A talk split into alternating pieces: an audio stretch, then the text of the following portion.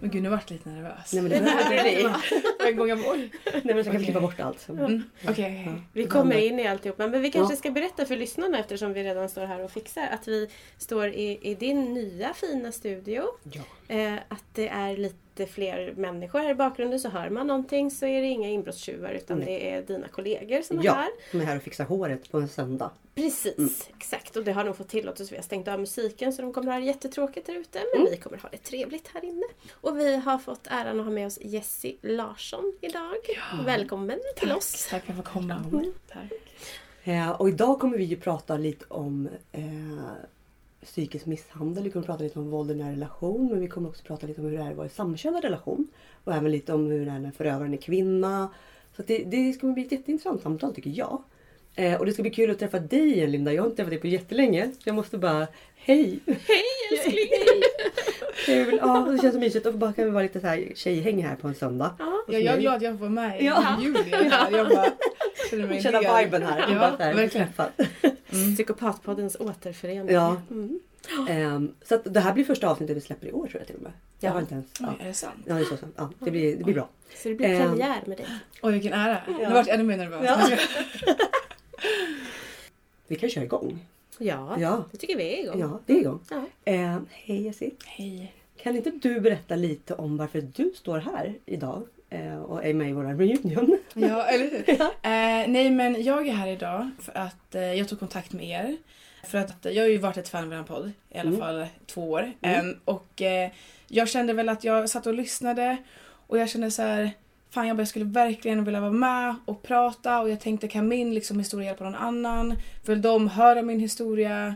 Eh, kan vi liksom så här, ja, men bolla liksom bolla en konversation mellan varandra och liksom få ut historien som kan hjälpa fler människor Mm. i princip. Och så tänkte jag speciellt eftersom att det är en samkönad relation eh, och eh, det är ju det jag har varit med om. Mm. Liksom. Och din bakgrund då? Eh, Vad, vad, vad liksom, vem, vem är du? Vad, vad... Ja, Känner någon igen dig? Eller här är liksom... Vem är jag? Ja. Ehm, nej men jag heter Jess Larsson och eh, jag har liksom ett vanligt alldagligt jobb som alla andra men eh, sen utöver det så är jag mycket på sociala medier eh, och jobbar med musik. Eh, och har hållit på med musik eh, sen jag var ganska ung. Eh, jag var med i Idol 2016 och det var väl typ då jag liksom började ta det på allvar med musiken. Utan, eh, satt på det. Så att det finns en igenkänning. Så någon kanske känner igen och hör, men det där namnet känner jag igen. eller Ja, jag vet inte, jag hoppas i alla fall att någon kanske bara så, jag tror det. Nej men ja, annars är det liksom, det är bara, det är jag. Mm, vad härligt. Ja. Men eh, ska vi börja? Vi bara rycker plåstret. För du la upp en video. Mm. Du bestämde att nu måste jag berätta om någonting som jag varit med om. Mm. Eh, och jag vill dela med mig av det här. Så du la upp en video. Kan du bara berätta lite om hur det var? Hur du tänkte? Och... Jag la upp en video, jag vet inte hur länge sedan det här var exakt, men det var liksom något år sedan i alla fall. Och jag hade varit i en... ehm, jag hade varit i en relation som var allt annat än normalt. Och den relationen tog slut och sen så var väl jag kvar i liksom den sitsen med att jag kände att jag kunde prata. Den här personen fick prata för mig. Eh, den här personen försökte aktivt förstöra mitt liv. Liksom relationen tog slut men det betyder inte att det som pågår i relationen tog slut när det gäller vad jag utsattes för. Sen så satt jag eh, och funderade på så här, vad ska jag göra, vad kan jag göra? Och då insåg jag att så här, det enda jag kan göra det är att berätta liksom, vad som har hänt eh, på mina sociala medier och så förhoppningsvis så hör någon det och får liksom höra, men höra hur det var. Mm. Eh, eftersom att min talan fick aldrig riktigt, liksom, den blev aldrig hörd. Nej. Och ni hade en relation då ganska nyligen då? Eller hur, när var det här liksom, som du träffade den här personen? Gud jag är så dålig på årtal. eh, men relationen varade ungefär två år. Mm. Eh, och jag, eh, jag tror relationen tog slut eh, 2021. Mm. Mm. Så det var ändå ett par år. Och Mm. det var tur Och vi var du också kände- kompisar. Mm. Vi, var, vi var kompisar innan vi liksom gick in i romantisk relation med varandra. Mm. Ja, hon, var, hon var väldigt liksom, nära in i mitt liv. Då hade Mm. så att ni ändå liksom kände varandra väldigt väl. Ja. Och ändå var en stor del av ditt liv. Mm. Men då har du då, då samlade du på dig massa frågor, massa känslor. Du mådde liksom, så att den här videon var ett sätt för dig att, att prata ut eller att liksom kunna hjälpa andra och både läka lite själv och så. ja, jag tror att det första liksom, steget till att vara, börja läka var för mig i alla Mm. fall att få prata. Eh, och få liksom säga vad som har hänt. Jag tror att jag kände faktiskt att det spelar nog ingen roll om någon tror på mig eller inte. Mm. För att jag behöver bara att sanningen är där ute. Mm. Och Sen så känner jag alltid känt att även om inte man skulle tro på mig så sanningen visar sig alltid slut. Jag tror väldigt mycket på att så här, sanningen kommer alltid ut och liksom karma gör sitt. Mm. Ehm, så det var liksom det första steget i min liksom stora läkningsprocess. Och jag vet när jag tog det steget eh, så kändes det som att jag fick tillbaka en bit av mig själv igen. Mm. Eh, för att personen också hade väldigt mycket kontroll över, över mig generellt men också vad jag skulle säga och inte fick säga och göra och inte göra. Eh, så det var ett jätte, jättestort steg för mig. Mm. Och sen så det som hände liksom efter det var att det var ju många andra liksom, vittnesmål som kom fram om liknande berättelser om samkönade och till och med liksom vittnar om samma sak om samma person. Mm. Och det för också mig var ju väldigt läkande för att jag liksom fick också på svart på vitt att så här, vi är uppenbarligen flera som har blivit utsatt samma person. Mm. Så det var väldigt viktigt. Mm. Vad var det som hände? Kan du ge några exempel på när du började känna att någonting inte står rätt till och Mm. saker som hon gjorde? Eh, det var mycket, alltså i, nu efterhand kan jag säga att jag säger att lovebombing-fasen var ju extrem. Mm. Eh, väldigt extrem. Och... eh, Då kan vi bara säga för lovebombing-fasen det är ju egentligen den liksom i början när de ska fånga in en. Man bara blir överöst med positivitet, man kan få gåvor, man kan få grejer, man blir lyft i skyarna, allting är fantastiskt. ja, det är gud, den du pratar om. Ja, och den var ju då extrem. Ja, eh, också jag tror att jag, eh, jag tror vem som helst kan ramla dit men jag har också alltid, eh, jag har alltid varit plus size, alltid varit större eh, och eh, jag fick inte så mycket uppmärksamhet när jag var yngre.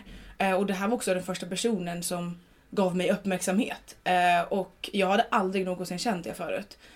Så att liksom det eh, på, eh, på liksom själva labbomin generellt var ju liksom att eh, jag kände också att jag skulle verkligen vara tacksam Eh, I början så hade jag faktiskt inte så mycket intresse för henne. Ehm, men någonstans så kände jag att hon gav mig så mycket och labbbombade mig så mycket och jag kände att hon ville verkligen ha mig. Och då någonstans där så kände jag väl att jag släppte in henne och till slut så fick jag ju så, alltså, känslor själv. Ehm, men ja. Men det gick ganska fort från hennes håll då och hon körde på ganska liksom intensivt. Ja, det gick väldigt fort. Jag vet att vi umgicks eh, i ett dygn och sen så sa hon att hon var redo att lämna sin dåvarande partner och i slut för att hon var så kär i mig. Mm. Eh, och då var, träffade jag någon annan så att jag var så här, absolut inte. Mm. Eh, vi är kompisar, det är, det är ingenting sånt där. Eh, men lovebombing den skedde väl alltså i liksom, alltså, två månader, eller Mm. tre, två, tre månader, i alla fall en hel sommar.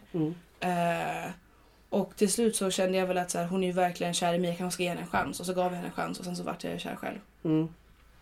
Mm. Eller indragen som man kan säga. Ja, jo, Men det blir ju en form av, man får den här liksom känslomässiga connectionen och det blir ju väldigt intensivt. ja, jag Så det blir tror också... beroende till slut. Jag tror verkligen också så att det, jag, jag brukar ofta säga att jag, att jag vart kär. Mm. Eh, men i efterhand så inser jag att jag var ju också vart kär i en person som aldrig existerade. Mm. Den personen fanns ju egentligen aldrig utan det var ju en fasad som jag vart kär i och sen under relationen ville försöka få tillbaks.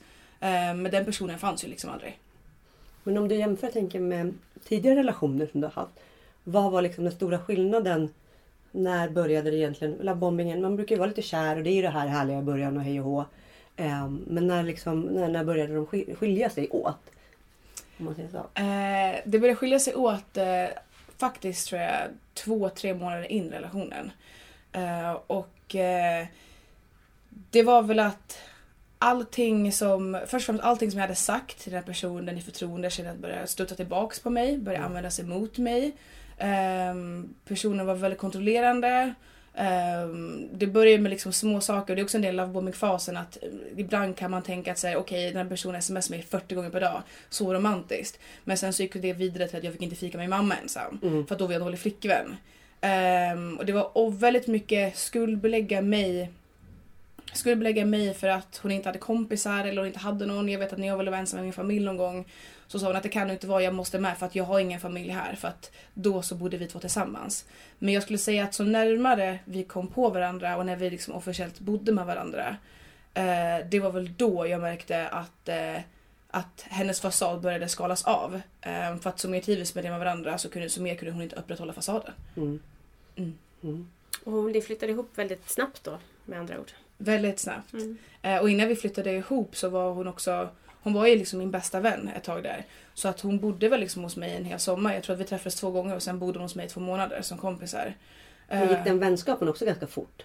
Väldigt snabbt. Mm. Och det intressanta med det här är också att jag vet att jag sa till min mamma att så här, jag orkar inte umgås så mycket med henne för att hon drar väldigt mycket energi från mig. Jag känner mig väldigt dränerad. Jag, jag orkar liksom inte umgås med henne så hon åkte upp och var med mig liksom en dag och åkte sju timmar för att vara med i ett dygn.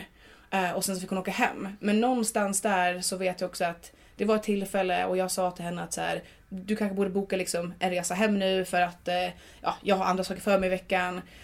Och då sa hon att hon inte hade pengar till tågbiljett och sen så var hon kvar där en vecka. Och sen så sa hon, är det inte dumt om jag åker nu för att jag kommer inte liksom kunna komma på ett bra tag. Och så var det två veckor och tre veckor.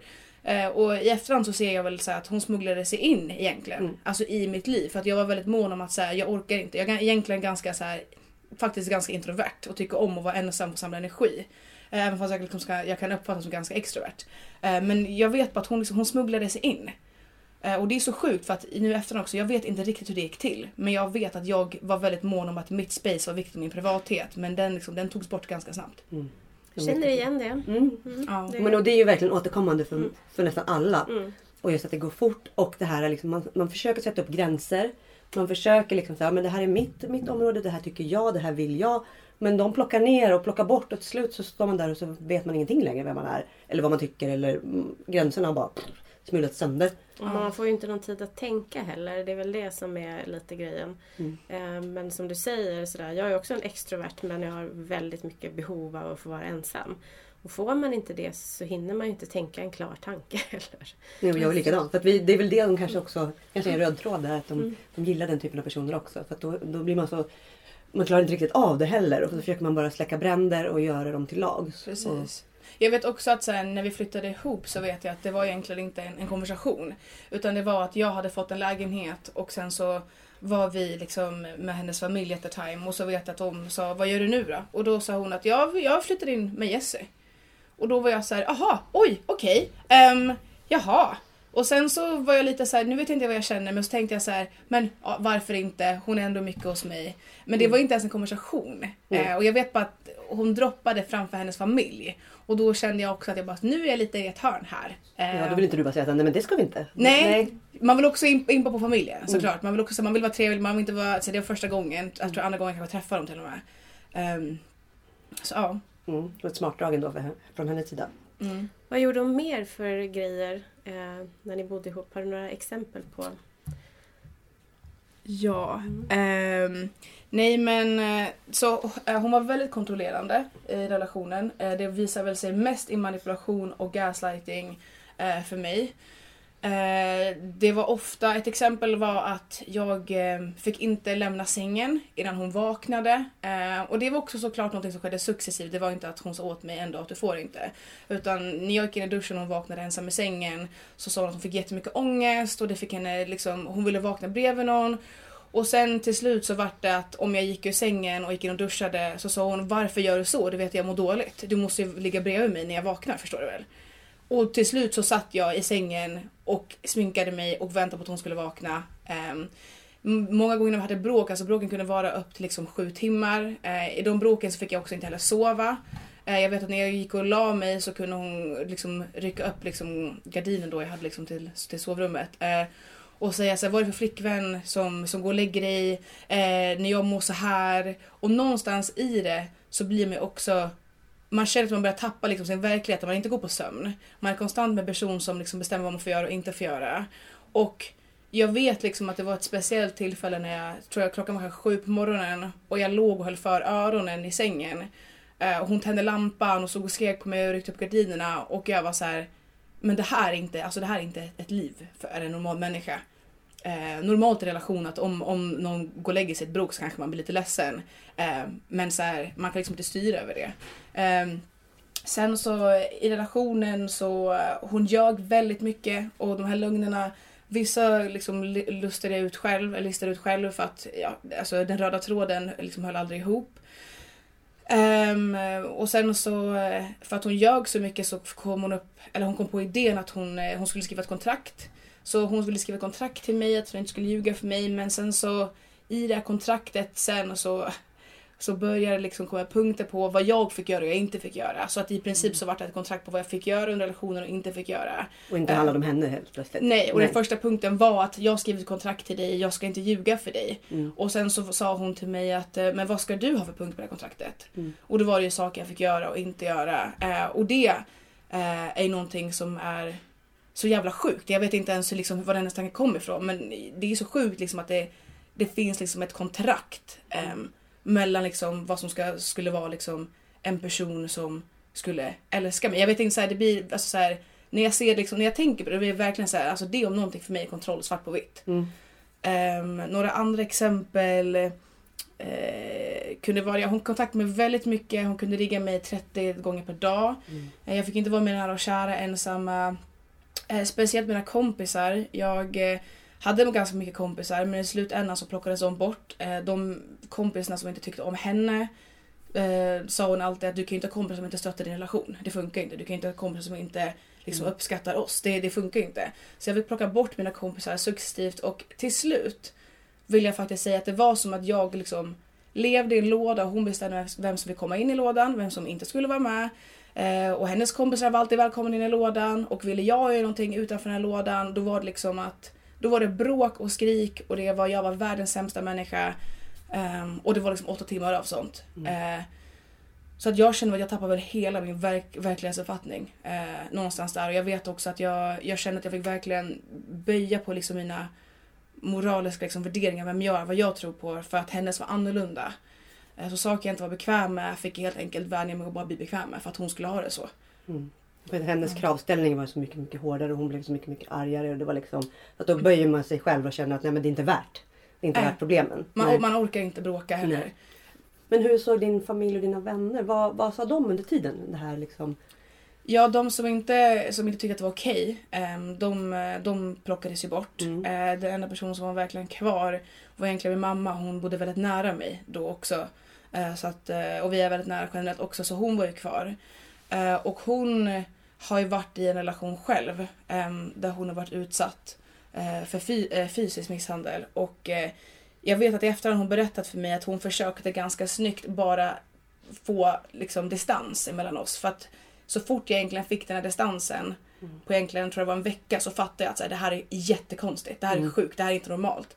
Men hon var alltid så nära in på mig. Alltså mm. jag fick inte tänka. Jag fick inte duscha ensam. För hon fick ångest och hon satt på toaletten eller på golvet när jag mm. duschade. Jag hade liksom ingen Mm. Inget utrymme och prata med mina kompisar för jag fick inte umgås med dem själv. Jag fick inte ha killkompisar eller tjejkompisar.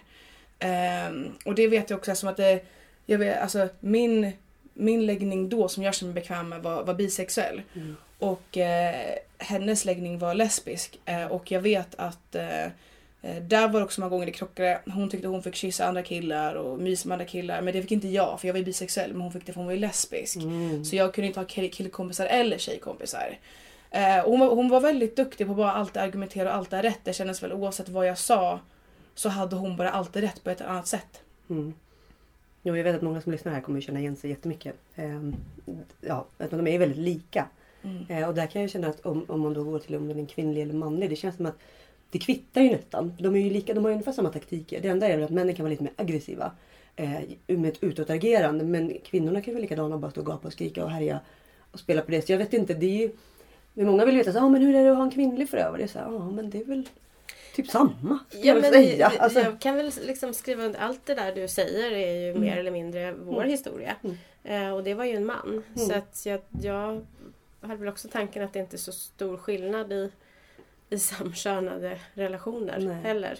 Utan det, och det som, som jag, det är många som har hört av sig till podden som har levt i samkönade relationer. Um, och där kan det också vara att det de känner, som jag har läst mellan raderna, det är ju mycket att man kanske inte pratar om det på samma sätt. Eh, för att det inte finns lika många forum att prata om det i.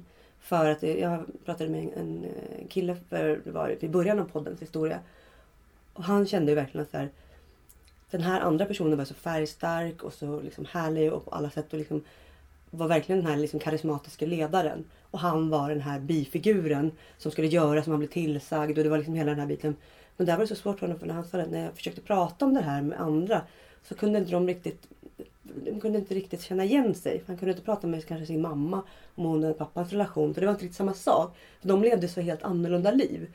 Sen finns ju såklart både samkönade och, andra som inte liksom, som lever väldigt färgstarka och galna liv. Men han sa att det var väldigt svårt att vara en sån liksom gay-profil som han var. I det här att hur... Det var svårt, det fanns ingen sten för honom att prata om det på. Jag tror, alltså den största skillnaden tror jag är faktiskt alltså samhällets bild av hur en förövare ska Mm. vara, se ut och kön och läggning. Mm. Jag tror att det är liksom där det faktiskt krockar lite. Eh, alltså, jag vet att jag läste någonstans på, jag tror det var nationellt eh, typ, typ kvinnofrid eller någonting Mm. sånt där. Så då läste jag att eh, det blir ofta missuppfattningar och det blir liksom svårt för våldsutsatta att komma ut som har varit i en hbtq-relation. För att samhället har en traditionell bild av att alltså, män ska kunna försvara sig själva för de ska traditionellt vara liksom, starka. Mm. Samtidigt som att kvinnor traditionellt anser, anses vara icke-aggressiva. Liksom. Mm. Eh, Så det blir svårt att matcha in men at the end of the day liksom en, en förövare är, är ju en förövare. De kommer i många olika former Mm. och ser väldigt annorlunda ut. Ehm, men jag tror också att i, i, mitt, i mitt fall har det varit tror jag att samhället kan ha svårt att förstå att, att min förövare skulle vara en förövare för att jag vet att folk beskriver ofta henne som väldigt gullig, charmig och söt. Eh, och eh, jag vet att jag sa det tidigare när vi pratade Linda att så här, det är såklart att, att de är det till en början. Det är också därför man hamnar där. Eh, och varför man liksom sugs in i det där. Um, så ja. Ja men det är ju en genomtänkt strategi förmodligen från deras sida också. Att de, de vet att det, de tjänar ju på det. Att ha den liksom lite mer low profile. Och en tjej kanske har lättare också att ta till den. En kille försöker kanske mer spela på skärmen och whatever liksom. Det ska vara någon slags räddare. Det var Ja, väl det vi, som... ja, och vi kommer väl också in på det, det här som jag, som jag alltid återkommer till varenda gång vi Mm. pratar tror jag. Lägg skulden där den hör hemma. Precis. Och det är ju när man får den här frågan med hur kunde du falla för den här personen. Som jag berättade för dig då, som jag har sagt till, till min nuvarande som är jättesnäll Mm. eh, och bra man. Eh, Han frågade, men hur kunde du bad boy? Ja men det var ingen bad boy. Första månaden var exakt samma uppvaktningsmönster som du hade. Hur ska jag kunna veta vem som är förövare eller inte? Det vet man inte förrän det är för sent. Exakt. De kommer inte med en liksom, lapp på sig som säger så här, om en månad så tänker jag Ändra mig." misshandla dig och, Ja. och slå dig och eh, ta sönder ditt liv. För Mm. då tar man ju inte in dem i livet. Nej. Nej. Nej, och där är det väl också när man vill veta så här, men vad är skillnaden mellan kvinnor och män. Det är så här, jag tror att de hittar ju bara en strategi som funkar på den, den de vill åt. Och det är det som, jag pratade med en kund innan, här, innan ni kom. Eh, hon sa så här, men har de gått samma kurs? Den här vanliga frågan. Har de gått samma kurs? Har de läst samma böcker? Vad är grejen? Ja, det, är, det, är, det är faktiskt det är sjukt. Ja, men, och, det är Hur- ju, och där har vi ju fått svaret från en psykolog att men det är för att de speglar oss. Vi som är normala. De försöker liksom hitta sätt att ta sig in hos oss. Och vi tenderar att ha samma beteende. För att vi har liksom en normalt förhållningssätt till vissa saker. Och reagerar och har som våra känslor och så vidare. Så att det är egentligen vi som ger dem den här boken. Och därför om de då stöter på någon som inte svarar på samma sätt. Som kanske inte är empatisk eller är inte lika härlig. Då blir det liksom antingen lägger de på en växel och ska verkligen liksom köra ner dig i botten. Eller så går de vidare nästa. För då var inte det något kul. Nej. Så att det är det som är liksom hela poängen. Att de, de utgår lite från oss. Och försöker liksom samt... Därför de då också man känner i början såhär. Gud vi är själsfränder. Eller gud vad vi har mycket Ja. gemensamt. Och wow.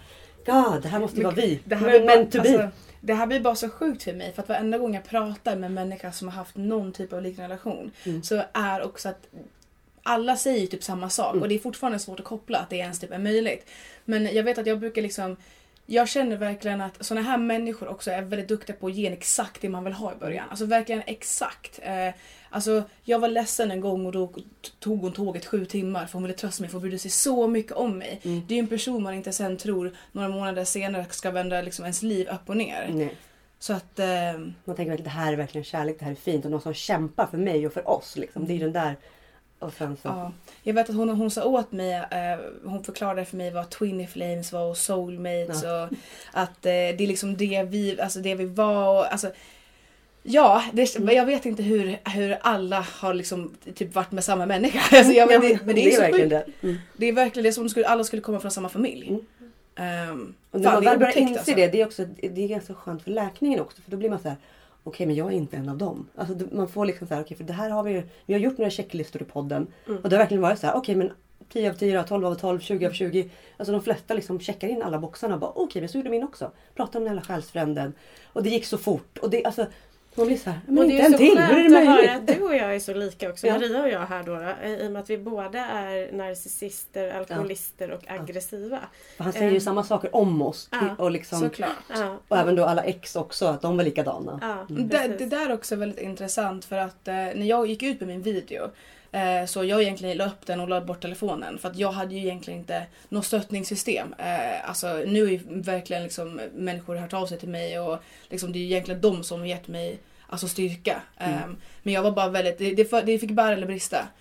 Men när det var så många som vittnade om samma människa. Jag vet att det var, liksom, det var barndomsvänner, det var kollegor. En kollega skrev till mig Uh, en kollega till henne då skrev till mig att hon hade kallat mig för en ord på arbetstid, hennes kollegor. Mm. Och sen så var det hennes barndomsvänners föräldrar. Mm. Uh, det var folk som hade gått i grundskola. Men det var så många människor som liksom som ändå vittnade och, och främst då de som hade varit i en romantisk relation med henne. Mm. Och när jag fick prata med hennes ex Mm. första gången.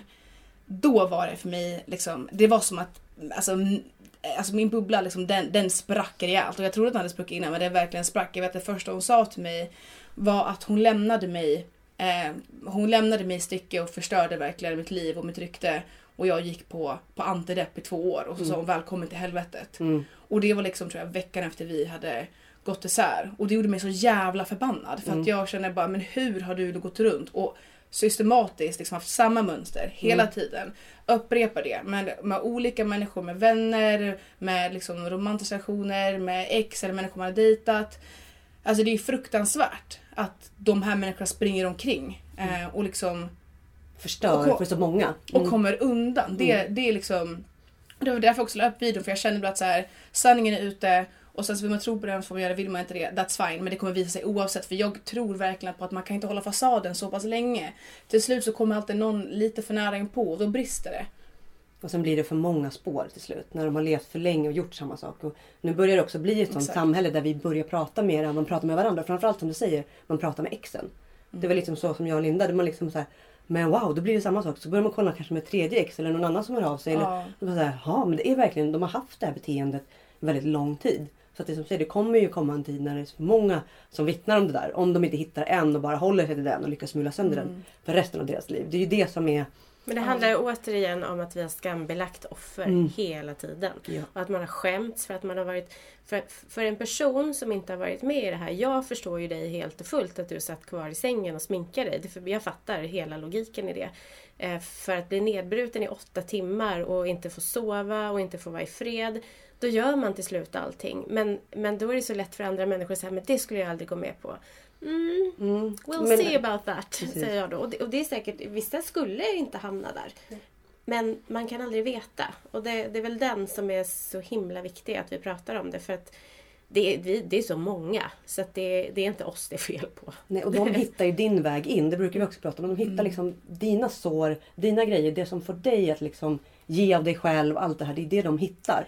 Ja. Och så att då använder de ju det mot den. Så att man använder sina goda sidor liksom mot, de får de använda emot sig. Det är så intressant du säger det för att jag vet att när jag pratade också med hennes ex att vi har ju verkligen en grej gemensamt också att vi båda har eh, vi båda har lidit av ganska mycket ångest. Och jag är ganska öppen med min ångest. Jag har, har haft väldigt mycket social ångest eh, och eh, liksom ångest överlag. Eh, och jag, jag vet också att i relationen så att jag hade liksom svårt att gå till affären ensam. Men jag gick i KBT och jag skulle gå till affären ensam. Men till slut så vart det när hon var på jobbet så, men jag vill inte att du går till affären ensam, du vänta på mig, vad ska jag annars göra för dagen? Så att det, då spelar hon på min ångest istället. Och då liksom, en del av mig kände att säga ja, jag borde gå till affären men hon kommer bli ledsen och tekniskt sett min ångest är att jag inte vill gå till affären. Och då ramlar man in i det. Eh, också till slut när man blivit nedbruten så pass lång tid så min ångest vart ju uppenbarligen högre. Min sociala ångest vart ju värre för att jag tyckte att jag var en dålig människa, en dålig flickvän. Till slut när man hör hela tiden att man är så pass dålig och fruktansvärd så påverkar det såklart ens självkänsla. Och den självkänslan sen att jag ska gå ut och träffa en ny människa, det funkar inte. Jag vet också att jag har alltid oavsett en ångest i alla fall liksom varit extrovert, typ att jag pratar för mycket istället Mm. för att jag har så jävla mycket ångest. Ehm, men till slut liksom, eller ganska snabbt faktiskt in i relationen eh, så, så hade vi, vi hade ett samtal, jag bara jag, får- jag får inte prata. När vi liksom är människor, jag får inte prata. Mm. Och då sa hon hur kan du säga så, du klankar ner på min personlighet, det är sån jag är. Och då tog jag ett steg tillbaks. Men när vi gjorde slut så hade jag jättesvårt att prata själv. Mm. För att jag hade varit så van att i varje sociala sammanhang då skulle jag vara tyst och hon skulle prata. För hon skulle, hon skulle synas och hon skulle liksom jobba, hon skulle skaffa kontakter. Så jag fick alltid ta ett steg tillbaka. Eh, så det var väldigt svårt faktiskt när vi gjorde slut för jag kände bara hur fan, hur fan pratar jag ens liksom. Så jag tappade bort verkligen många aspekter, liksom, alltså många delar av mig själv. Mm. Gjorde jag. Och det är väl det som, därför vi började med podden också lite. Just för att man skulle prata. För det var det, de pratar över huvudet på en. Man liksom blir omyndighetsförklarad ungefär. Man, man kan inte fatta vettiga beslut, man gör bara misstag. Man är inte tillräckligt smart och så vidare. Man har för mycket issues, man klarar inte av att hantera sig själv. De vill ju verkligen få en att känna sig som att det är man själv som är problemet. Och det är väl det som jag brukar prata om just när det gäller läkningen. Att här, försök att prata, försök att berätta, försök att fundera på vad känner du? Vem är du? Vad vill du? För det är det man inte får vara. Men... Nej, och sen blir man shamead och det är, väl, det är väl det som är jättesvårt. Och det är jättesvårt hur, hur högt självförtroende man än har. Men om man går ut i olika sammanhang och så säger någon efteråt äh, Nu var du lite pinsam. Mm. Eller va, Du kanske inte ska säga just exakt så på det sättet. Du, såg du att de faktiskt reagerade lite? Och då spelar det ingen roll om man vet att så här brukar jag vara och det brukar funka. Det är klart att det sätter sig på en som hjärnspöken då. Det är liksom Det är jätte... Alltså, mm. Det är ju tortyr. Ja och det är där de går in också med detaljer på hur man ser ut. Och så mm. Man blir osäker då automatiskt. Att okej okay, men, okay, du gör sådär när du pratar så kan du inte göra Eller du skrattar fult. Eller, till, till slut så har man inte social ångest så får man ju det. Jag hade precis som du. Jag har också jättemycket social ångest och jättemycket ångestproblematik. Och det visste ju han precis. Och han skulle samtidigt coacha och hjälpa mig. Och jag skulle krama träd. Och jag skulle göra så mycket sjuka grejer. Eh, och jag skulle också känna mig bra som person. Men samtidigt så var jag ju hemsk också. Så det var ju så himla... Så jag fattade inte, vem är jag? Samtidigt så var jag jättevacker. Men också så var... Jag kunde inte klä mig själv. Jag var så jävla ful. Och det var liksom... Slutade jag vem är jag? Men jag var, var bara tvungen att få liksom bekräftelse och godkännande från honom. Eh, och det gjorde också att jag... Det var ju lättare också för mig inom parentes. För att jag litade ändå inte på mig själv. Jag tyckte ändå det var jobbigt som du sa. Men gå till affären och göra alla de här sakerna. Mm. Svinjobbigt. Kan jag slippa det så jättebra. Nästan bra om någon inte pushar en. Alltså det vill man ju heller inte. Alltså, men idag när jag då skulle börja göra de här grejerna som han inte har tillåtit mig. Det var ju verkligen helt fruktansvärt. Jag var så här, nu ja. måste jag ju ta tillbaka kontrollen på någonting som jag heller inte kanske hade innan jag träffade honom heller. Alltså jag hade ju så mycket ångest in i relationen så jag var så här, ah! Och nu måste jag bara gå ut där och vara liksom allt det där som han sa att jag inte fick vara. Och allt som jag kanske inte heller har vågat vara sedan tidigare. Så att de försöker ju verkligen att liksom använda, om man har sina sår, verkligen bryta ner och så smula sönder dem och sen addera ännu mer grejer. Oh, Gud, ja. Så att hade du inte någonting innan då får du det i alla fall. Ja. Och så jag tror att det är så, så viktigt för att alltså, jag har alltid alltid känt mig som en väldigt stark tjej med starka värderingar. Och vet, så, min mamma har alltid liksom lärt mig att man ska stå upp för det man tror på och sen tycker inte, inte folk om det. Då kan, då kan, man kan liksom agree to disagree. Mm. Um, och jag tror liksom att folk, vissa människor har också svårt att förstå att så här, man kan egentligen vara hur stark som helst. Min mamma liksom, som har varit i en sån här relation, hon är den starkaste kvinnan som jag känner. Men en person kan verkligen bryta ner en annan människa in i grunden. Och man kan verkligen ta bort sig själv och det spelar egentligen ingen roll hur stark du är. Också när man, när man bryr sig om en annan människa och vad man tror är kärlek. Man skulle, de flesta normala människor skulle liksom göra allt för en person man älskar. Mm. Och så tänker man att man får tillbaka det sen, de skulle vara ombytta roller. Men med de här människorna får man ju aldrig tillbaka det. Så man ger liksom allt och så tänker man, ja men jag kanske får tillbaka det någon dag och sen så är det så här, de tog allt och sen stack de. Mm. Eller man, man fick liksom ingenting tillbaks. Eh, så att man känner verkligen att man har liksom blivit rånad på faktiskt liksom allt. Uh, och jag vet att hon kunde, hon kunde spegla min personlighet så himla mycket. Hon kunde, jag kunde liksom dra ett skämt och så kunde hon dra det skämtet dagen efter. Men när jag drog det så var det liksom, det var jättekonstigt. Mm. Um, och jag vet att det var så många gånger vi hade diskussioner och vi bråkade. Och jag liksom sa så här, jag fick alltid sitta och förklara för henne. Du gör mig ledsen när du liksom kysste den här killen på den här festen. För det känns inte okej, det har vi pratat om. Och då kunde hon alltid säga att jag minns inte det. Jag har ingen minne av att jag har sagt det. Så gaslightingen i min relation den var väldigt, alltså den var nästan så att jag kände bara så här, alltså gud, har jag blivit tokig? Jag fattar inte. Mm. För att det var verkligen att jag, ja, du har skrivit det här på smset och då kunde hon säga att ja, jag har ingen minne av det. Jag bara, men du har ju skrivit det. Mm. Alltså hon, hon gaslightade också när det fanns liksom bevis på bordet. Mm. Uh, men jag insåg, insåg väl mest att hon liksom att hon gaslightade mig för att hon ljög om så många andra människor. Hennes historia var aldrig sann. Hon sa mycket saker till mig om, om hennes ex till exempel. Och hennes kompisar och liksom mycket om hennes familj. Hon ljög även om hennes barndom. Så jäkla mycket lögner att jag, jag kände att jag bara, jag förstår inte vem det är jag lever med. Mm. Egentligen. Men hur kom du, jag tänker, ni var tillsammans i två år och så bodde ni ihop. När började du känna att jag kan inte, nu måste jag, alltså det här, jag måste lämna henne? Liksom, vad, när, när kom du liksom till den punkten? Um, hon fick, eh, hon ljög så pass mycket om mig att hon fick alla eh, i hennes eh, närhet att hata mig. Mm. Eh, och eh, jag förstod inte riktigt varför de inte tyckte om mig till en början. Och det gjorde mig jätteosäker för jag hade också hon som sa att jag var dålig. Och nu sa också folk i hennes närhet att jag var jättedålig. Och det gjorde mig osäker. Och det var liksom människor som älskade mig i början. Sen så hade jag väl liksom en, en träff med hennes familj och då så sa väl hennes föräldrar i princip att så här, det är hon som har sagt det här till oss. Och då satt hon med alla oss, alla oss fyra liksom. Mm. Och då sa hon att så här, ja, ja, jag kanske drog på lite eller överdrev. Det var väl inte så det var. Och då insåg ju jag att hon har ju ljugit om situationer och händelser och sagt till hennes nära och kära så de ska liksom ha tyckt synd om henne och känt eh, liksom någon, någon ömkan för henne. Eh, och det för mig var så här, en, jag ville inte berätta vad hon utsatte mig för för jag ville alltid att mina nära och kära skulle tycka om henne. Mm. Ehm, och det är väl typ ett normalt sätt tror jag när man är med någon. Man vill inte säga när man har bråkat med sin partner egentligen till någon för att man vill att ens vänner ska älska liksom ens partner. Eh, och då inser jag att hon ljög eh, väldigt mycket om andra och om mig. Och det fick mig att känna att hur kan du hitta på såna grejer om en person som du ska älska och skydda och liksom bry dig om på nätterna. Ehm, och sen så var det en, eh, en incident när jag skulle fira en vän och jag fick förbereda henne på en vecka att jag skulle fira, fira min kompis, hon fyller år.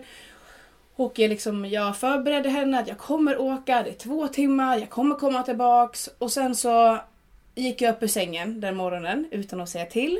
För då kände jag att jag började liksom bli arg, jag vill ta tillbaka mitt liv.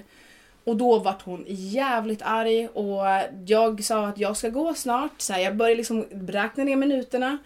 Eh, och sen när jag skulle gå så blockerade hon dörren och sa till mig att du kan inte lämna mig. Jag mår dåligt idag. Du är en fruktansvärd eh, flickvän om du går nu. Du kan inte göra så. Om du älskar mig på riktigt, då ska du stanna kvar här. Och då fick jag egentligen ta beslut. Och det var nog första gången i relationen jag tog beslutet att så här, jag bryr mig om dig och du betyder väldigt mycket för mig. Men just nu så måste jag välja mig själv. För jag vill verkligen gå. Och när jag tog det beslutet, så här, jag åkte i bilen till min kompis och jag mådde väldigt dåligt och jag hade inte kul den dagen. Men det var ändå att så här, jag fick åka för mig. Eh, så att jag kände att jag fick ta tillbaka min styrka lite men det var liksom en punkt att jag bara, det kan inte vara så här. Nej, de brukar kalla det för epiphany tror jag det var. Man, Mm. Den stunden när det liksom bara så här, nej. Men vad nu- hände sen då efter du kom hem sen efter det? Nej, hon var inte glad. Nej. Eh, så att det var väl det som var grejen. Om jag, om jag gick emot det hon sa så vart det de här bråken. I sju timmar liksom. Eh, Mm. Jag vet också, jag hade väldigt kontakt med psykiatrin. Väldigt mycket kontakt med psykiatrin eh, under, under relationen och har alltid haft för att jag har haft ångest. Eh, så de liksom har varit med så det var inget konstigt men jag vet att de ville alltid fråga mig saker om min relation och mitt förhållande men jag vill inte svara på det. Eh, och eftersom vi var under samma tak så lyssnade hon alltid, alltså hon lyssnade alltid på mina konversationer. Eller när jag pratade med mina kompisar eller om jag skulle skicka videos med mina kompisar. Så hon styrde ju ofta alltid vad jag skulle säga också liksom rent fysiskt. Och eh, då tog jag en promenad eh, och sa inte att jag skulle ha telefonmöte med psykiatrin. Och så jag tog en promenad och då så rotade de in på relationen och eh, jag sa att jag inte ville prata om det. Och jag sa lite bara och då sa eh, min kontakt på psykiatrin att eh, psykisk våldsamhet borde verkligen, verkligen kolla på det. Så. Eh, och så bröt jag ihop så mitt på vintern ute i december på en parkbänk. Eh, och då kände jag så här, så här kan inte mitt liv vara. Något mer. Men det var också skönt att någon annan fick intyga på vad som hände. Mm. Eh, det var till och med så illa att hennes barndomsvän och relationen, eh, någon gång när hon hade somnat så hade jag kontakt med dem via telefonen. Och då satt jag på badrumsgolvet för att jag fick inte störa henne, skulle hon sova skulle det vara tyst. Eh, Så jag låste in mig på toaletten, satt på badrumsgolvet och skulle prata och då sa hennes vänner till mig att så här, du måste lämna henne. Vi tycker att hon misshandlar dig psykiskt, du måste, måste lämna. Mm. Och då kunde inte jag riktigt försvara henne i mitt huvud längre. För varför skulle människor som egentligen borde vara partiska till henne Mm. säga till mig att du borde lämna henne, det här är fruktansvärt. Mm. Ehm, så det var också en sån stund för mig att jag... En liksom- tydlig röd flagga liksom. Att det är något som är riktigt fel. Mm. Verkligen. Mm. Hur gick det till när du lämnade sen då? Eh, det var väl eh, en vecka ehm, av att jag första veckan, eller första veckan på början av veckan satt väl jag i foten om att jag vill inte vara med dig om du utsätter mig för det här och mer. Eh, och sa liksom ordet eh, och liksom tog för mig och verkligen sa att det är det här du gör och det, du kan inte göra det här. Och då sa hon till mig att jag vet inte hur lång tid det kan ta tills man slutar med sånt. Alltså sånt kan ju ta jättelång tid. Och då vart jag Hennes så... beteende då liksom. Ja. Exakt, Mm. och då var jag väldigt upprörd för jag sa det kan inte vara så svårt att behandla en människa bra. Det är liksom någonting man bestämmer sig för. För en normal person är inte det svårt. Eh, och eh, då så hade min, hade min mamma faktiskt eh, hunnit under den här perioden övertalat så hon hade hyrt typ en, en liten stuga på en gård. eh, hos någon annan. Så vi fick den här distansen till varandra. Mm. Eh, och hon bodde egentligen inte där utan hon sov där egentligen en natt. Men den här veckan jag satt foto då sa jag att jag vill att du, att du är där den här veckan för att jag behöver tänka. Och hon vill inte lämna lägenheten, hon satt utanför för ofta när jag sa att jag ville ha space eh, fick jag ta bilen och åka för hon satt och liksom och kampade utanför min dörr. Mm. Eh, så att jag fick aldrig det här spacet. Men hon var liksom, när jag skjutsade henne till den här stugan och sa att så här, nu får du liksom, nu får du, jag behöver space, vi behöver liksom andrum. Eh, då, jag, fick, alltså så här, jag var där med bilen och jag somnade i bilen för hon vägrade gå ut ur bilen. Mm. Och till slut så gick hon ut och sen så hade jag väl två dagar ensam. Eh, och kände att så här, det, det går inte.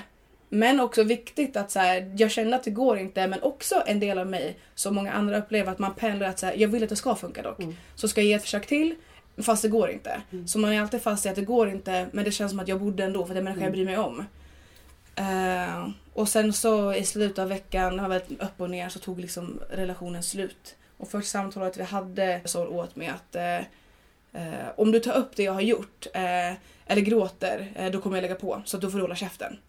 Så att jag fick prata med henne på hennes villkor i så fall. Mm. Ehm, och sen till slut när jag kände att så här, men vet du vad, jag vill inte prata med dig alls. Såklart så vände hon och då var hon så kär i mig. Och hon skulle ha tillbaks mig och jag skulle in och vi skulle skaffa barn och allt det här. Mm. Ehm, så att hon höll ju på så liksom, alltså ett bra tag efteråt. Ehm, Eh, hur har det varit för dig efter du publicerade den här videon? Liksom? Hur, var, hur fortsätter resan då? Eh, Efter så, som jag sa, det var tror jag, alltså dörrarna öppnades för min läkningsprocess och det var ett väldigt stort steg fram. Och eh, när jag fick höra, sammanlagt nu är vi liksom fyra tjejer som vittnar om samma sak.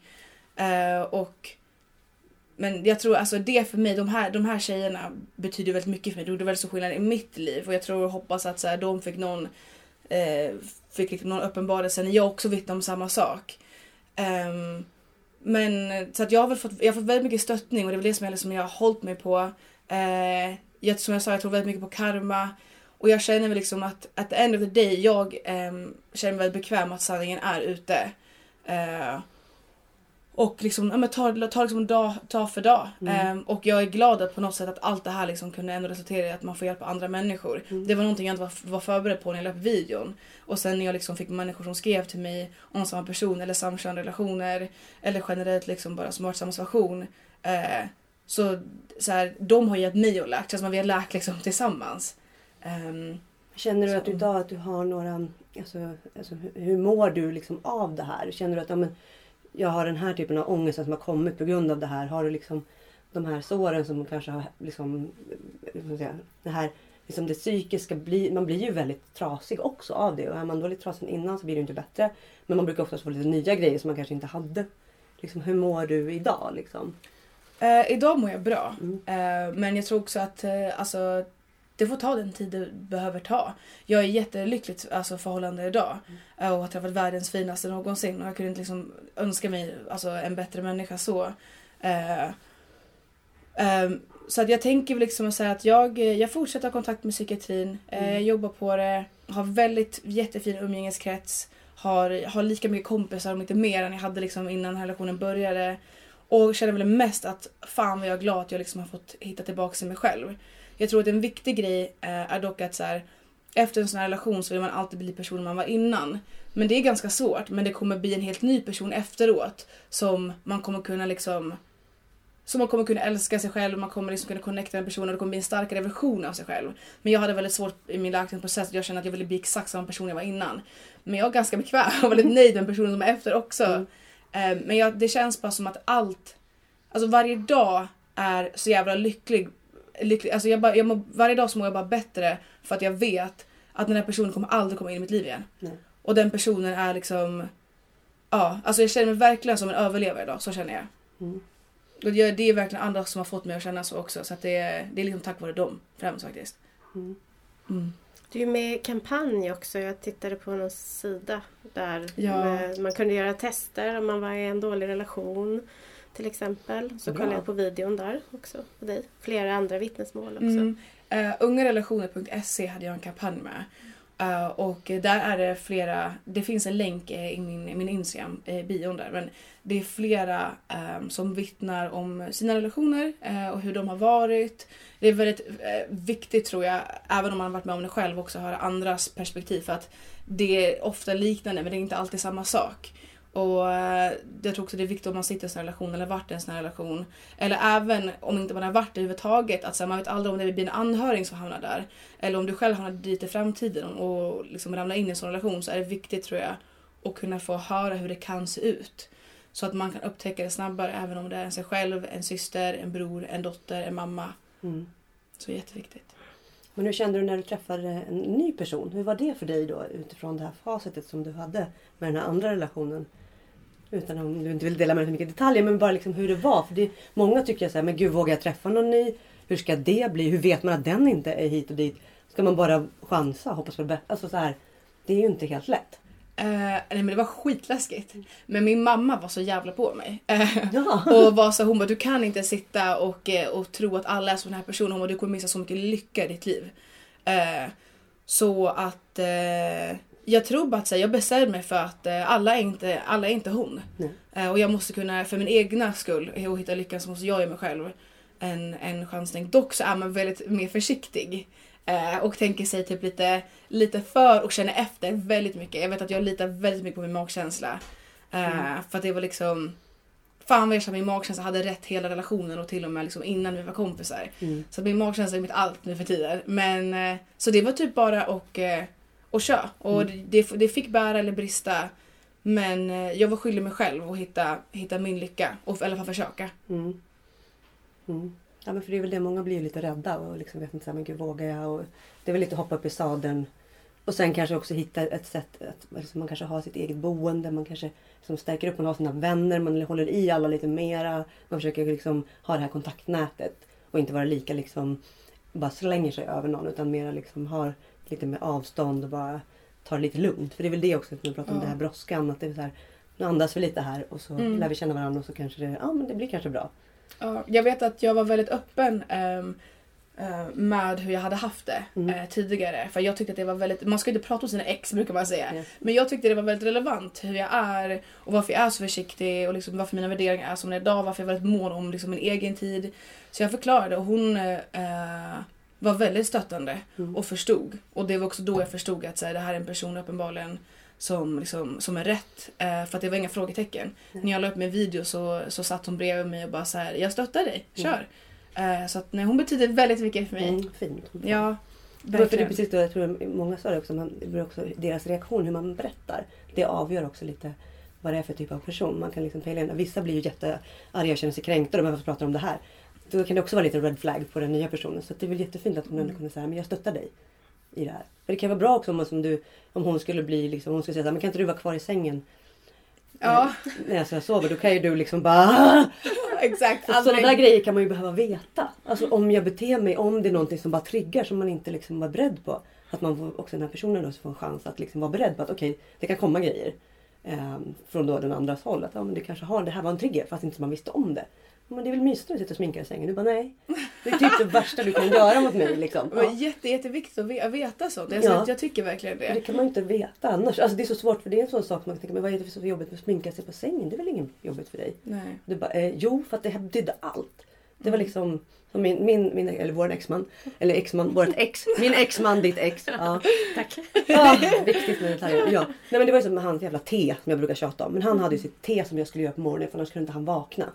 Och då var jag tvungen att göra jävla te. Så om någon ber mig göra te. Idag går det ju bra såklart. Men i början så var det så här.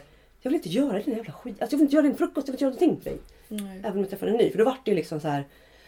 Och som tur var så min nya han, han bad mig inte om så mycket saker. Men jag kände hur jag liksom så här. Speciellt om det var något barn som kanske kom och bad mig om något. Jag har ju små barn nu. Jag liksom så här, känner att det kan påverka mig på ett sätt som jag inte... Bara för att det är en trigger. I att någon liksom vill ha någonting av mig. Så här, och jag vill att jag ska göra det nu, nu, nu. Och det ska vara på deras sätt. Och, och så här, nej. Såklart. Jag tror det är väldigt bra att man ja, alltså det, dialog. Det är också så rimligt för att det är såklart liksom att man... Att det, att det, det kommer liksom påverka en. Det är oundvikligt. Man har varit med om en väldigt traumatisk grej. Mm. Det hade liksom varit orimligt om man klev ut och sen så var everything back to normal. Det är såklart liksom, det finns de där liksom små grejerna. Så jag, jag tror verkligen att det var viktigt för mig att prata om det. Jag tror att när jag pratade med min liksom, nuvarande, då, jag känner vi vart, vi vart ju ännu närmare. Eh, och eh, ja, Mm. nej, men det är, viktigt, det är viktigt att prata. Det är bara så jävla viktigt att prata om Alltså, jag det. älskar din dialekt, förlåt. Är det sant? Jag älskar den. Jag bara, vad är hon ifrån? Det är, är. Dalarna. Ja, men det är Den slinker in. Ja, jag den. Jag är så glad. Gud vad glad jag blir att jag har kvar lite. Jag trodde den var Ja, men är helt jättefin. borta. Men gud, tack. Men, Ja, ja. Nej, men, det, men är det någonting så här, som du känner så här, men det här skulle jag vilja som förmedla ut till de som lyssnar eller liksom någonting som du känner så här, men det här. Jo, det är... Så eftersom att vi pratade tidigare om eh, liksom samkönad relation och liksom så här, vad är skillnaden så. Jag vet att eh, jag tror att det är viktigt också att ta upp liksom hur det kan se ut när det är, när det är samkönat med vissa, vissa, vissa verkligen bara specifika saker för det. Och eh, jag vet att eh, jag, som jag sa, jag liksom eh, identifierar mig som bi, eh, bisexuell då. Och jag fick alltid höra att jag inte var gay nog för henne. Att jag, min bisexualitet var inte på riktigt. Antingen var man lesbisk eller inte. Och hon skulle aldrig egentligen träffa en bisexuell tjej. Men så var det så ändå med mig. Men hon ville egentligen inte det. Och eh, i princip så här, sa att min läggning inte fanns. Eh, och det tyckte jag var så jäkla jobbigt. Ehm, för att oavsett vart man känner sig, vart man är, kan inte man pressa in någon i ett fack. Det funkar liksom inte så. Eh, Och det är väl också så att de har väldigt mycket åsikter och deras världsbild är den rätta. Så att, och liksom skuldbelägga i det, du är inte tillräckligt gay för att vi ska vara ett par. Men det går bra ändå, det, du duger liksom nu för mig. ja. Ja, lite, alltså den här... Men gud det är så sjukt när du säger alltså, det är så Du nej, när nu är du hon här. säger det. Ja. För att man, när man också hör det, det- alltså det är så här, det skulle inte en normal, alltså så här, en, en, det skulle inte falla mig i tanken att säga så med en annan människa. Eh, att säga det du känner är inte på riktigt. Nej. Och det är bara så sjukt att Ja, men så det är en här, så hemsk sak att säga. Ja. ja, verkligen. Mm. Men det är en extra maktfaktor att ta till då när man tänker samkönade relationer.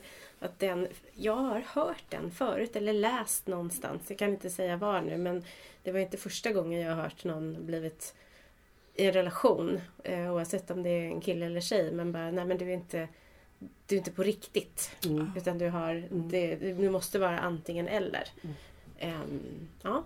Ja, det är väl också så för det är, det är ju ganska, man har ju oftast liksom en historia från barndomen oavsett vad man har för läggning och man kan ju ha alltså, vad som helst med sig in i ett förhållande. Och det är väl det som också de, de tar de här grejerna och liksom att, att man förfular en och man är inte tillräckligt bra. Man duger inte, man måste vara som dem. Och det är det, man måste göra om sig. Som du fick då inte göra vissa saker, du skulle bli mer som henne.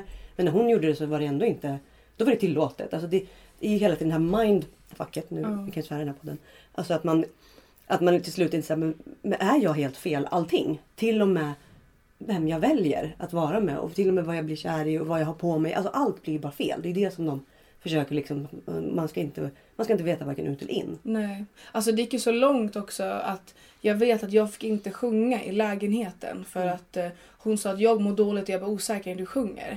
Eh, och sjunga är ju liksom, det, det är ju någonting som, det är ju det jag liksom lever för. Det är min hobby, det är mitt allt. Det är, egentligen, det är min stora passion i livet. Och jag vet bara att det kändes så, så himla dystert för jag kände verkligen att jag inte kunde få göra det jag älskade mest. För att då mådde hon dåligt av det.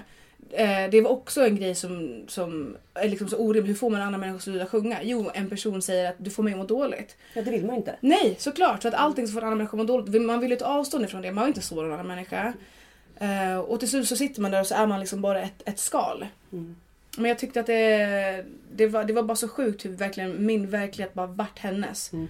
Och eh, jag vet att jag sa till henne någon gång när vi bråkade att jag vill verkligen bara ut ur den här lådan du håller mig i. Alltså jag, Mm. jag, jag kvävs liksom här inne. Du kände att du var där ändå. Mm. Mm. Mm.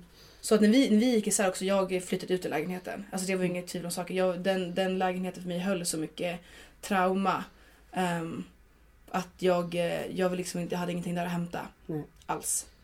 Nej, det är ju nog ganska skönt. Man får liksom gå vidare helt rent fysiskt. I liksom, inte vara i Verkligen. samma ru- rum. Och, För jag vet så här, liksom, jag vet jag skulle ju gå och ta frukost liksom, på, på morgonen efter vi hade gått isär.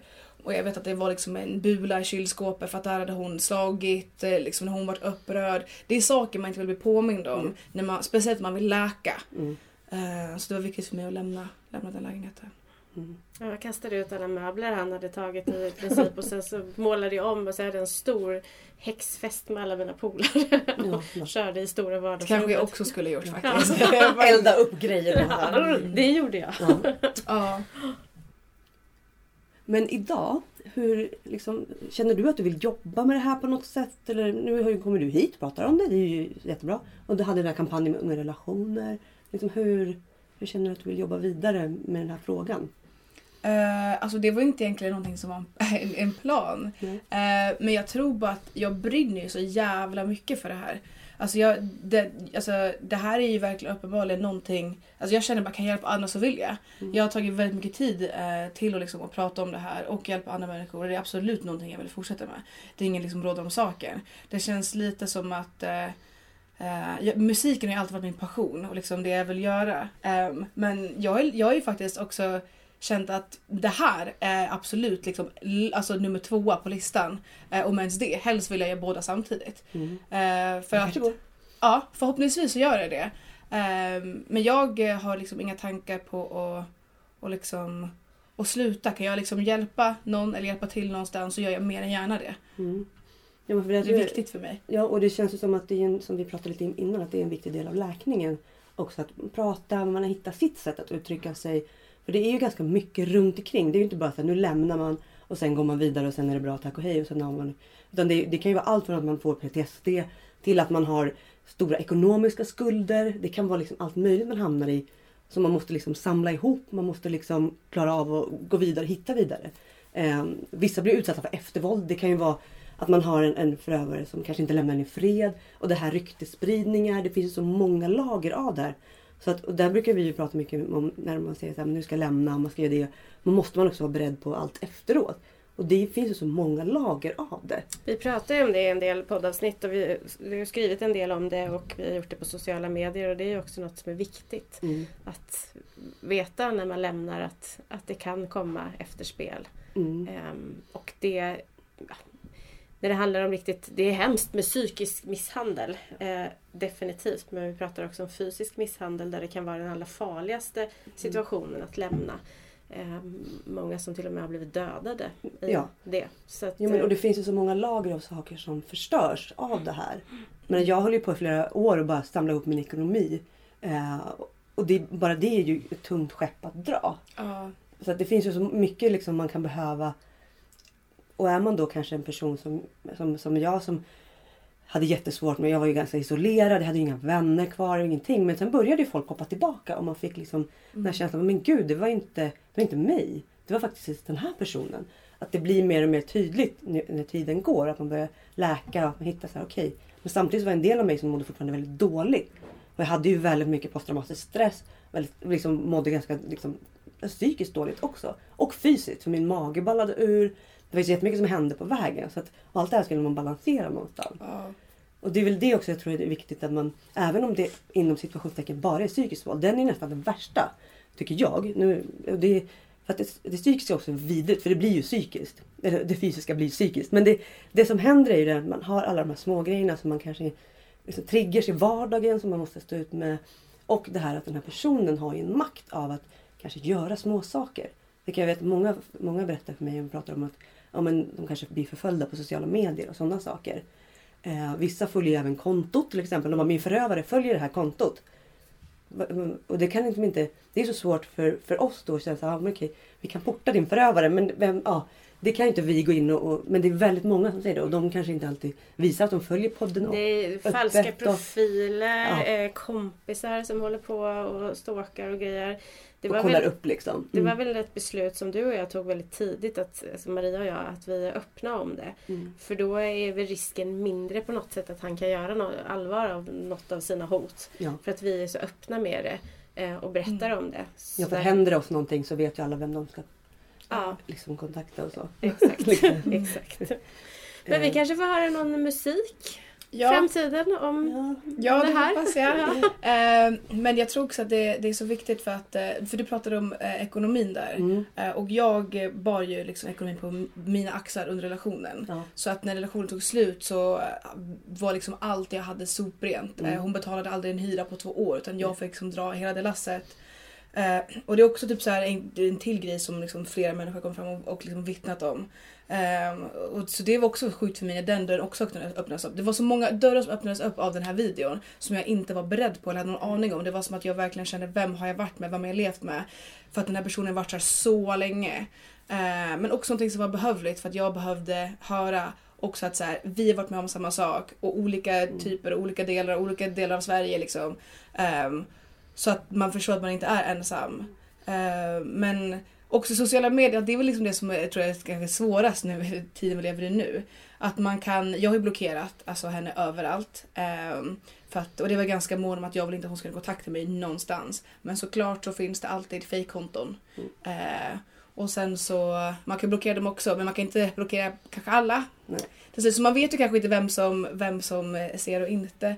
Men uh, så länge människan är ur, ur mitt liv, ur min mm. vardag, så är jag alltså evigt tacksam. Jag vill aldrig någonsin tillbaks dit och skulle inte önska det på, liksom, på någon och sitta i en sån sits faktiskt. Eh, men jag är väldigt glad att vi inte hann skaffa barn. För jag vet att i slutet tog jag liksom ut min spiral och vi pratade om att skaffa barn. Mm. Eh, och jag var väldigt glad att jag inte han, han, han hamnade där för att då vet jag att jag alltid skulle haft en, fest, alltså en fast länk till henne. Um, eftersom att det liksom hade varit bådas. Så det, det är väldigt det är sjukt um, mm. att det kunde blivit så. för det är ändå, det, just när man träffar de som har barn så är det ju extremt mycket, det blir ännu mer eftervåld. Just för att personen kommer ju åt den på ett helt annat sätt också. Precis. Har man verkligen lämnat, man har inga attachment, då kanske man får, som säger, man kanske blir stakad på, stakad på sociala medier eller man blir liksom på olika sätt kanske får lite små kontaktförsök. Det kanske, vissa blir ju stalkade även hemma. Jag, I början hade jag även min exman, han kunde gå utanför salongen. Man var så här, hur bara randomly. Min med. Mm, men alltså, på Vallala-vägen där ingen annan går. Det, så här, det finns ingen... Du har, nej. nej. Alltså det, efter relationen så var det, det var till och med så illa, så illa så att jag fick gömma mig i en lägenhet i två dagar för att hon åkte upp och letade efter mig. Mm. Uh, och min granne ringde mig och sa att hon är utanför i en lägenhet. Mm. Uh, så att jag fick liksom gömma mig i två dagar med persiennerna neddragna. Uh, så att hon, hon, hon letade efter mig också fysiskt. Mm. Och eh, det var väldigt påfrestande. Eh, och inte veta vad jag ville röra mig och inte. För att man vill, man vill inte vara med människan. Eh, men det är också så sjukt att de är så måna om att de vill inte släppa taget om en. Att de måste ha något grepp på en oavsett, mm. även när relationen är slut eller inte. Och jag tror också det är därför så många, för det brukar vara vanligt att um, så fort man själv har gått vidare, då vill de ha tillbaka en. Mm. Alltid. Det brukar ofta, ofta vara så. Jag kan inte säga alltid, men för det mesta mm. brukar det vara så. Uh, och det är ju för att de har tappat den här makten. Ja, ja. De älskar ju när man är ledsen eller mår mm. dåligt, uh, för då är de i maktpositionen. Men när man, inte, när man är klar så får ju de panik. Och jag tror faktiskt att många uh, förövare de sitter i en evig process. De vill kontinuerligt försöka få tillbaka makten över sina ex. Mm. och lever med det i faktiskt flera år. Mm. För att de inte kan släppa taget för att det är så de funkar. Det blir liksom en, ett hot mot deras egen självbild om att de är fantastiska och att de liksom har den här liksom kontrollen över andra människor. Men sen är det väl när de hittar någon ny som de kan fokusera mer på. Det är då man oftast slipper dem. Och det är väl tur i oturen kanske då att de hittar nya. Att man kanske känner att man får en liten paus i alla fall. Mm. Alltså jag vet under vår relation så då vet jag att hon var fortfarande väldigt mån om hennes, eh, hennes tidigare. Så hon släppte, hon släppte inte det. Jag vet att hon eh, eh, åkte runt och frågade hur hon, hur hon mådde och sen hon fick svaret att hennes ex kanske inte mådde bra. Då var hon så jäkla glad och det var så skönt för henne att höra. Hon mm. tog min telefon och gick in och eh, stakade liksom hennes ex på sociala medier för att hon själv var blockerad och tyckte om att hon mådde dåligt. Eh, det var också liksom en punkt när jag kollade på henne och relation och tänkte så här, hur kan du jag, för, alltså jag förstår att man kan tycka illa om sitt ex, det är kanske ganska många som gör det. Men att må bra av att en annan människa dåligt, det är ett så stort varningstecken. Och jag tyckte det var väldigt obehagligt att hon hittade lycka i att en person som ändå ska betyda mycket för henne någon gång i livet mådde dåligt. Mm. Eh, för att hon uppfattade som att hon gjorde det. Eh, så att vissa tror jag hittar nya och liksom går vidare. Och vissa tror jag bara inte kan släppa kontrollen. Mm. Eh, men ja, det är intressant alltså. Mm. mm. Intressant hur de fungerar. Men vad är det, om, så här, vad är det, om du kan säga så här, det här har jag verkligen lärt mig av den här relationen. Har du något sånt där som bara Ja, ja. jag bara ja, gud så mycket. Bara, den här, och det här och det här. Ja. Nej men jag tror att det viktigaste jag, jag skulle nog säga till alla, oavsett, det är att lita på din magkänsla. Och du ska inte behöva böja dina moraliska värderingar för någon annan. Om du tycker någonting är fel, då har du alltid rätt att tycka att det är fel. Du behöver inte göra det till rätt för att någon annan tycker att det är rätt. Utan du får stå fast för din åsikt och om du vill och bara säga jag tycker inte om det här, det här är inte så jag vill ha det. Det här är inte, jag tycker inte det här känns bra för mig. En relation ska inte kännas dålig. Om det är någonting som känns dåligt så skulle jag verkligen spinna vidare och kolla på vad det är. Är det ett normalt bråk eller är det inte normalt att någon blockerar dörren när man vill lämna lägenheten? Det är svårt att veta ibland, speciellt tror jag när man är ung för att man har inte så mycket att jämföra med. Eller om det är ens första kärlek, då kan det också vara väldigt intensivt. Eh, för att man, det, är liksom, det är det man tror. Eh, och det var ju liksom den första personen som jag liksom bodde med. Och jag visste inte riktigt hur det skulle se ut. Jag hade ingen aning om, om det. Ehm, så att det var, och prata med andra. Och om du sitter i en sån här sits um, så är det antagligen så att din förövare inte vill att du ska prata med andra. Um, men försök att göra det och liksom smussa, alltså försök att hitta, alltså, hitta ställen så du får distans. Även om det är att du ska gå och slänga soporna och du behöver ringa en vän väldigt snabbt när du går och slänger soporna, gör det. För du måste prata med någon så att någon också kan säga till dig att så här, nu, är det, nu är det kaos, nu måste mm. du ut. Jag tror det är jätteviktigt. Sen hade det kommit till unga relationer, lite såna där. Det kan ju också vara bra om man kan liksom lite online hitta ställen där man mm. kan prata med andra om. För vi tänkte det här avsnittet blir ju såklart lite mer riktat till unga men också de som är i samkönade relationer och överlag bara utsatta av en förövare. Men att man liksom hittar de där plattformarna där man kan hitta förståelse. Och det är inte så lätt när man är ganska ung. Som säger, jag har aldrig bott med någon, hur ska man veta? Det där testet Precis. tyckte jag var jättebra som mm. låg där. Det var ganska... Ja, vi lägger en länk till det. Ja, det var, mm. det var väldigt bra frågor. Mm. Enkla frågor att svara på. Ja. Helt enkelt. Så det tyckte jag var en... Och så storiesarna där som fanns också. Ja, det, alltså det är så bra att få leva ändå i tid med sociala medier. Mm. Um, såklart att man kan, jag hade verkligen uppmuntrat människor till att och söka sig till och kan man inte göra det på sin egna telefon så hade jag uppmuntrat att liksom göra det på en kompis telefon om det går. Um, och, liksom, och inte glömma att radera historiken om man sitter i en sån sits att personen mm. liksom har kontroll. För att jag vet att mitt ex hade alltid kontroll över min telefon och vad jag gjorde och kunde mitt lösenord alla de här grejerna. Så att då, det var viktigt att så här, om du inte vill att jag ska synas, radera historiken, försök använda annans telefon eller någonting sånt. Men unga relationer tipsar jag verkligen om. Och sen så tror jag bara man kan googla sig fram till så mycket. Mm. Uh, och sen så är ett Instagramkonto följer jag liksom under den här relationen också. Så att så här, det är också väldigt liksom, toppen. Uh, och sen så har ju jag, jag har ju min Instagram Eh, det heter Jesse Larsson.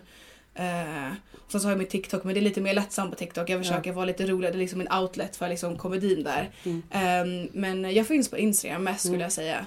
Där man kan hitta mig och det mm. finns med mail där också.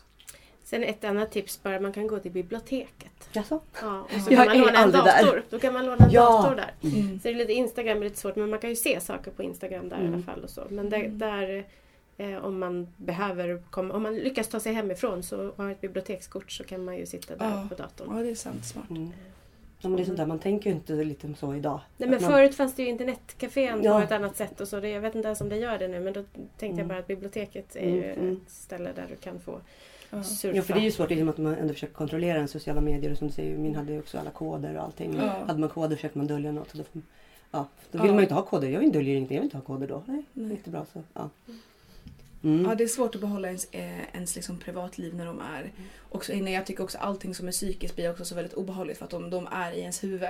Jag vet att när jag eh, pratade med människor när hon inte var där så kände jag verkligen att hon kommer få reda på om jag säger någonting. För att det känns verkligen hon, var, hon kunde läsa mina tankar, så mm. kändes det. Och det känns som att hon alltid bara fick reda på, på allt. Så om jag hade sagt till henne att jag inte var lycklig så visste jag att det skulle, det skulle bli en jävligt jobbig vecka för mig. Liksom. Mm. Um, man så, tror ibland att man har ett sjätte sinne men det är Ibland känns det mm. nästan så. Men jag tror också det är viktigt att vända sig till de, de myndigheterna vi i alla fall har. Mm. Som har jag vet att psykiatrin förklarar för mig liksom, gång på gång att här, vi har sekretess. Men jag var helt säker under relationen att hon kommer komma åt mina journaler. Mm. Alltså jag var helt säker. Uh, och jag vet att hon jag pratade med psykiatrin sa att hon, kommer inte göra det om inte hon liksom kör liksom det långa loppet där.